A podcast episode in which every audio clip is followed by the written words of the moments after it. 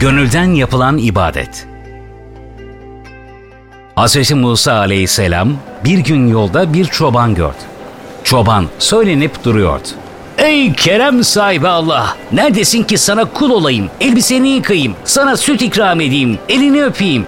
Çoban ibadetin ve Allah'a yalvarmanın böyle olduğunu sanıyordu. Hz. Musa aleyhisselam çobanın bu sözlerini duyunca Sen kiminle konuşuyorsun? diye sordu. Çoban da biz yaradanla, yeri göğü yaradanla dedi. Hz. Musa aleyhisselam Bunlar nasıl söz? Sen bu sözlerinle Allah'a karşı saygısızlık ediyorsun. diye çobana çıkıştı. Çoban hata yaptığını anlayarak çok üzüldü. Ne yapacağını bilmez halde başını alıp çöle doğru yola çıktı.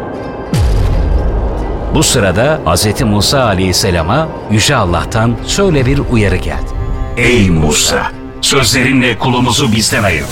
Sen insanları bize Yaklaştırmaya mı geldin? yoksa uzaklaştırmaya mı? Biz söze değil, gönüle bakarız.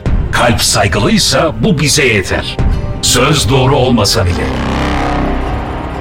Hz. Musa aleyhisselam bu uyarıyı alınca hemen çobanın peşinden çöle koştu. Nihayet onu buldu. Dedi ki, Ey dost, ben hatalıyım. Ne olur affet. Rabbine dilediğin gibi ibadet et. Allah nazarında böylesi daha kıymetlidir.''